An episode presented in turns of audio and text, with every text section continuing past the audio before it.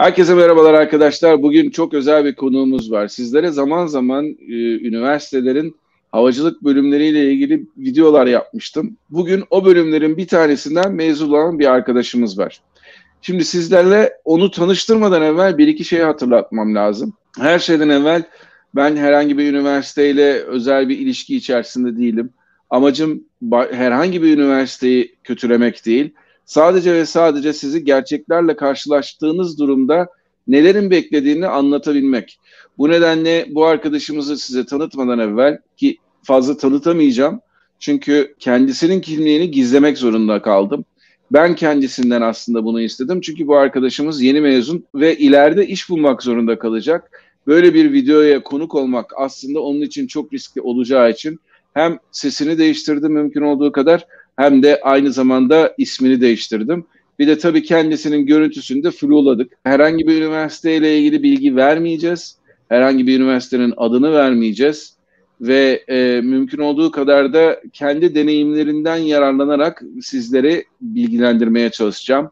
Arkadaşımızın adı Metin değil ama ben kendisine cesaretin ötürü Metin adını verdim. Metin hoş geldin. Hoş buldum kaptanım. Teşekkür ederim güzel sözleriniz için. Rica ederim. Biraz bize kendini tanıtır mısın? Fazla kendini tanıtmadan.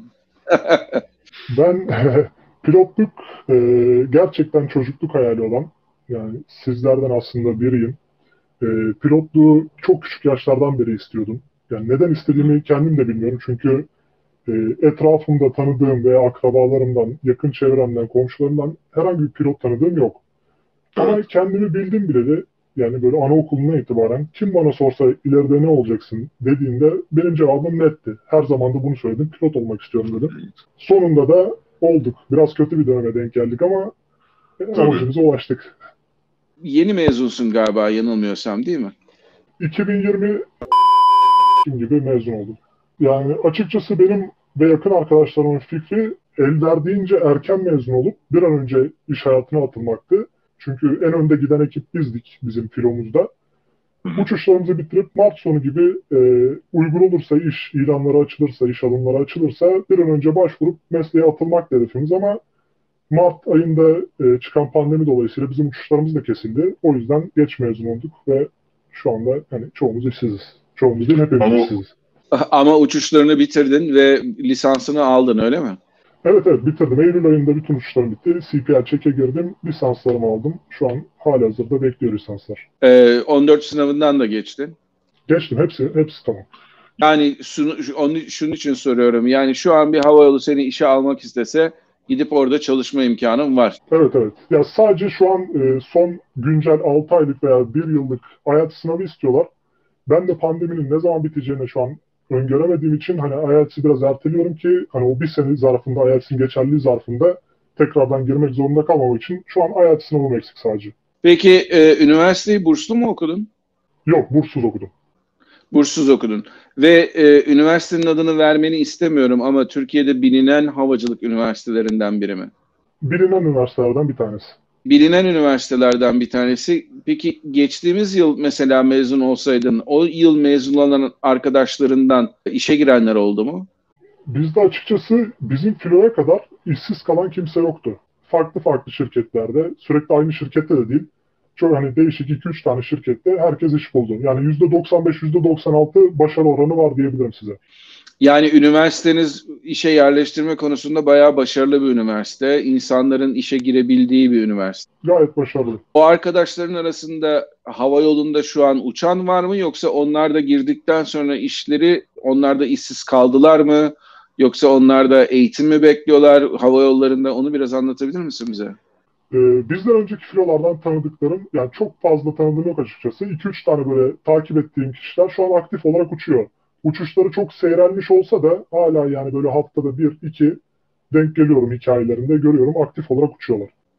Yani onlar işlerini buldular, eğitimlerini tamamladılar. Ondan sonra da aktif olarak herkes gibi bayağı düşük bir yoğunlukla uçuyorlar ama belki e, yine de aktif olarak uçabiliyorlar. Evet evet aktif olarak uçuyorlar. Onlar bizim en son şanslı filomuz. Çok fazla ayrıntıya girmeni istemiyorum. Sonuçta senin kişisel bilgilerin ama E, burssuz okuduğunu söylemiştin üniversitende. Sana bunun maliyeti yaklaşık olarak ne oldu? Daha doğrusu ailene diyelim. Ona bir sakıncası var mı söylemende? Yok açıkçası e, ilk girdiğimiz senelerde ben maliyet hesaplaması yaptığımda çok büyük bir maliyet çıkmıyordu euro kurlarından dolayı. Ancak ondan sonra 2018 gibi bu euro kurlarının birden e, fırlamasıyla birlikte maliyetler neredeyse iki katına çıktı. Yani şu an kaba bir hesapla 500 bin Türk lirası gibi maliyet olduğunu söyleyebilirim size. Peki e, bunu sen ailenin durumu vardı da öyle mi ödedin yoksa kredi mi çektin nasıl yaptın? Ee, şöyle bir şey söyleyeyim. Nasıl anlatsam size? Ben normalde e, pilotluğu yani çok istediğim için araştırıyordum zamanında, üniversite zamanında. Normalde Hı. lisede ben e, asker lise sınavlarına girip hava harp olarak düşünmüştüm. Hava harpa girdikten sonra e, devam ederim. Ondan sonra e, zorunlu e, çalışma süresinden sonra sivile geçerim diye düşünüyordum. Ancak olmadı hava. Ondan sonra araştırdığım araştırmaların doğrultusunda işte şirketlerin, Türk Hava Yolları Akademisi'nin işte değişik şirketlerin e, yetiştirmek üzere pilot alımlarına baktığımda genelde tercihlerinin mühendislikten yana olduklarını gördüm. Makine mühendisi, bilgisayar mühendisi. Ben de ondan sonrasında üniversitede makine mühendisliğini tercih ettim. Dedim ki makine mühendisliğini bitirip bu iş e, yetiştirmek üzere pilot alımlarına başvururum diye düşündüm. Ondan sonrasında iki sene makine mühendisliği okudum ama sonuçta istemediğim bir meslek, yapmak istemediğim bir şey olduğu için çok sıkılarak gidiyordum okula. Hani dersleri düzgün dinleyemiyordum. Hayatımdan da bıkmış bir vaziyetteydim açıkçası. Ondan sonrasında e, ailemin de açıkçası maddi durumu iyi değil. E, sağ olsun babam o zaman e, bizim bir ev, müstakil evimiz vardı kentsel dönüşüm mahiyetinde kentsel dönüşüme girdi ve oradan e, kalan dairelerden birisini satarak hani dedi okumak istiyorsan oku yoksa dedi ne yapmak istiyorsan evlen dedi istiyorsan kiraya ver dedi istiyorsan sat dedi istediğini yap dedi okumak istiyorsan dedi ben sana dedi böyle bir destek verebilirim başka da bir şey yapamam dedi. Ben de dedim baba hani okumak istiyorum gerçekten hayalim olan bir şey. Ondan sonrasında o bir daireyi satarak işte okul parası yaptık. Böyle okudum. Anladım. Senin gibi örnekler çok var. Ee, bazıları hakikaten baş koydukları, senin gibi böyle anaokulundan bu yana istedikleri meslek için bu tür fedakarlıkları yapıyorlar. Ee, bazıları da ya bizim çocuk bir şey olamadı bari pilot olsun diyerek olaya yaklaşıyorlar. Ama senin onlardan olduğunu zannetmiyorum. Bitirme ortalaman karlarda mı? Tamam. 3-0-1. Tamam. Aynen. Yani 3 e, böyle iyi bir öğrenci sayılırsa tam onun üstünü sıyırmışsın. Teorik derslerde pek e, şey, teorik dersleri ATPL sınavlarında da şöyle söyleyeyim size. Hocalarımız bizi uyarıyordu ATPL sınavlarında. Hani burada dinlediğiniz derslerde sınavlarımız bizim çünkü ATPL sınavlarındaki sorular gibi değildi. Hocalar kendi sorularını hazırlıyorlardı. Dersi anlamış mı, bu konuları anlamış mı diye. O yüzden sistemimizi beğeniyordum. Ben de biraz onun gazına gelip açıkçası ben bu dersleri anladım, güzel dinledim deyip ATPL sınavlarına da öyle girdim. Mesela ondan sonra birazcık sıkıntı çektim. Onu da zaten sana soracaktım. Mesela üniversiteye girdiğin zaman insanlar zannediyorlar ki Havacılık Üniversitesi'ne girdim. Dört sene zaman geçirdikten sonra ondan sonra mezun olacağım ve e, hava yolunda işe gireceğim diye zannediyorlar. Ama aldığınız dersler öyle e, yani entepüften dersler değil. Bayağı iyi dersler alıyorsunuz. O yüzden evet. sana bir sorum olacaktı. Seni zorlayan dersler oldu mu hiç? Beni zorlayan dersler oldu mu? Açıkçası severek yaptığım için bunu, severek çalıştığım için zorlandığım ders olmadı. Notları böyle hani, ucu ucuna da demeyeyim ama bizim üniversitemizde geçme notu, yani havacılıkta genelde geçme notu 75. Ama 80 ile 82 ile geçtiğim dersler oldu açıkçası. Çok zorlayan hocalarımız da oldu. Hani gerçekten öğrenmemizi isteyen, gerçekten öğrendiğimizi anlamak isteyen hocalarımız da oldu. Bu yüzden hani 80-82-85 aralığında geçtiğim dersler de oldu. Bunları zorlanmak sayarsak zorlandım. Ama gidip de ders tekrarı veya alttan ders alma durumum olmadı. Allah'a çok şükür hepsini başarıyla geçtik. Harika, harika. Gerçekten çok güzel bir, e, iyi bir öğrenci olduğunu diğer insanlara da anlatmak için sordum bunlara. Bir de diğer insanlar üniversitede havacılık yazacakları zaman neyle karşılaşsınlar diye e, öğrensinler, görsünler diye aslında bu soruları sordum senin onlara aktaracağın deneyim onların ileride alacakları kararlar konusunda bayağı ışık tutacaktır diye düşünüyorum. Şimdi kötü bir soru soracağım sana. Belki de yani şu şu açıdan kötü. Kötü şeyleri sana hatırlatmak amacı, amacında değilim. Ama şu an ne yaptığını merak ediyorum ben senin. Şöyle söyleyebilirim ben yani 18 yaşımdan beri kendi paramı kazanmak kazanmaya çalışan birisiyim. Boş kalmayı sevmiyorum. O yüzden şu an bildiğiniz üzere e Eylül sonunda CPL lisansımı aldım ve onun geçerlilik süresi bir sene. Bir sene sonunda da bu Eylül sonunda tekrar tazelemeye girmem gerekiyor ve Türkiye'de işte euro kurlarından dolayı 1500 euro gibi bir tazeleme fiyatı var ortalama.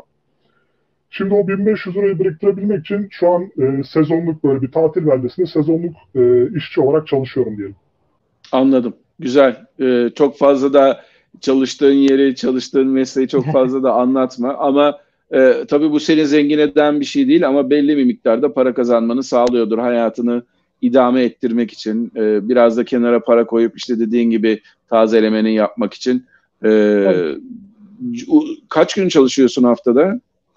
Haftada şu an kapanmalar dolayısıyla hafta sonu yasakları dolayısıyla 5 gün çalışıyorum. Ama e, yasaklar kalktığında 7 gün boyunca çalışacağım. 7 gün boyunca çalışacaksın. Helal evet. olsun.